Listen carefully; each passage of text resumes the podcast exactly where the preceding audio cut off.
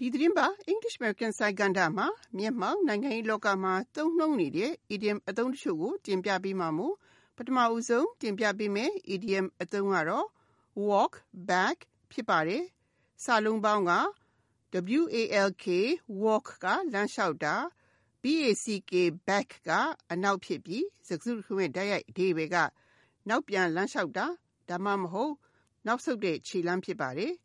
ဒီအသုံးရဲ့ idiom အဓိပ္ပာယ်ကရှင်းပါတယ်။နောက်ကို ပြန်ဆုတ်လျှောက်တဲ့ဆိုကြတဲ့ကူက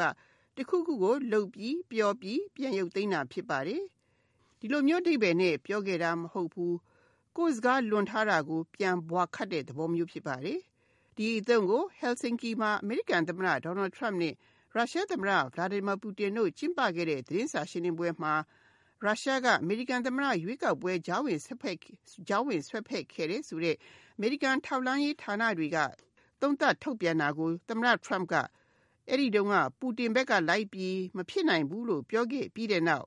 သူ အမေရိကန်ကို ပြန်ရောက်တဲ့အခါမှာ သတင်းမီဒီယာရော လွှတ်တော်အမတ်တွေကပါ ဝိုင်းပြီး ပြင်းပြင်းထန်ထန်ဝေဖန်ခဲ့ကြတဲ့အတွက် နောက်တနေ့မှာပဲ Trump က သူဆိုလိုတာကတော့ အဲ့လိုမဟုတ်ဘူး ဖြစ်နိုင်ပါတယ်လို့ ပြောခဲ့တာလို့ ပြန်ပြင်ပြောခဲ့တဲ့အတွက်ကြောင့်အ မေရိကန်နိုင်ငံသားရေးဝန်ကြီးဟောင်း John Kerry က Trump ပြောပြီးသားကို ပြန်ရုပ်သိမ်းတာ သူတစ်စက္ကန့်မှ မယုံဘူးဆိုပြီး သတင်းမီဒီယာကို ပြောခဲ့တဲ့အတွက်ကြောင့် The Hill သတင်းစာမှာ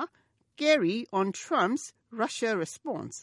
I don't buy his walk back for one second ဆိုတဲ့ခေါင်းကြီးနဲ့ရေးသားခဲ့တာဖြစ်ပါတယ်။ဒီသုံးနဲ့ပတ်သက်လို့ George Ruby ရဲ့ဥပမာကိုလေ့လာကြည့်ကြရအောင်ပါ။ The spokesperson walked back his comments about the peace deal. ငြိမ်းချမ်းရေးသဘောတူညီမှုနဲ့ပတ်သက်လို့သူပြောခဲ့တဲ့ကောက်ချက်ချပြောချမှုတွေကိုပြောခွင့်ရကပြောင်းရုပ်သိမ်းလိုက်တယ်လို့ဒီပေရပါတယ်။ခုဆက်လက်တင်ပြပေးမှာကတော့ soft spot ဖြစ်ပါတယ်။စာလုံးပေါင်းက SOFT soft ကပျော့တာနူးညံ့တာ SPOT spot ကနေရာဖြစ်ပြီးစကားစုမဲ့တိုက်ရိုက်ဒီပေက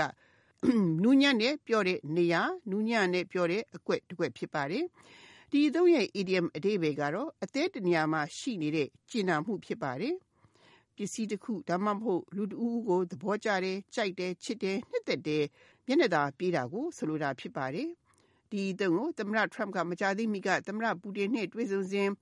သူ့ဘက်လိုက်ပြောခဲ့တဲ့အတွက်ကြောင့် New York သတင်းစာကြီးက Why Trump has such a soft spot for Russia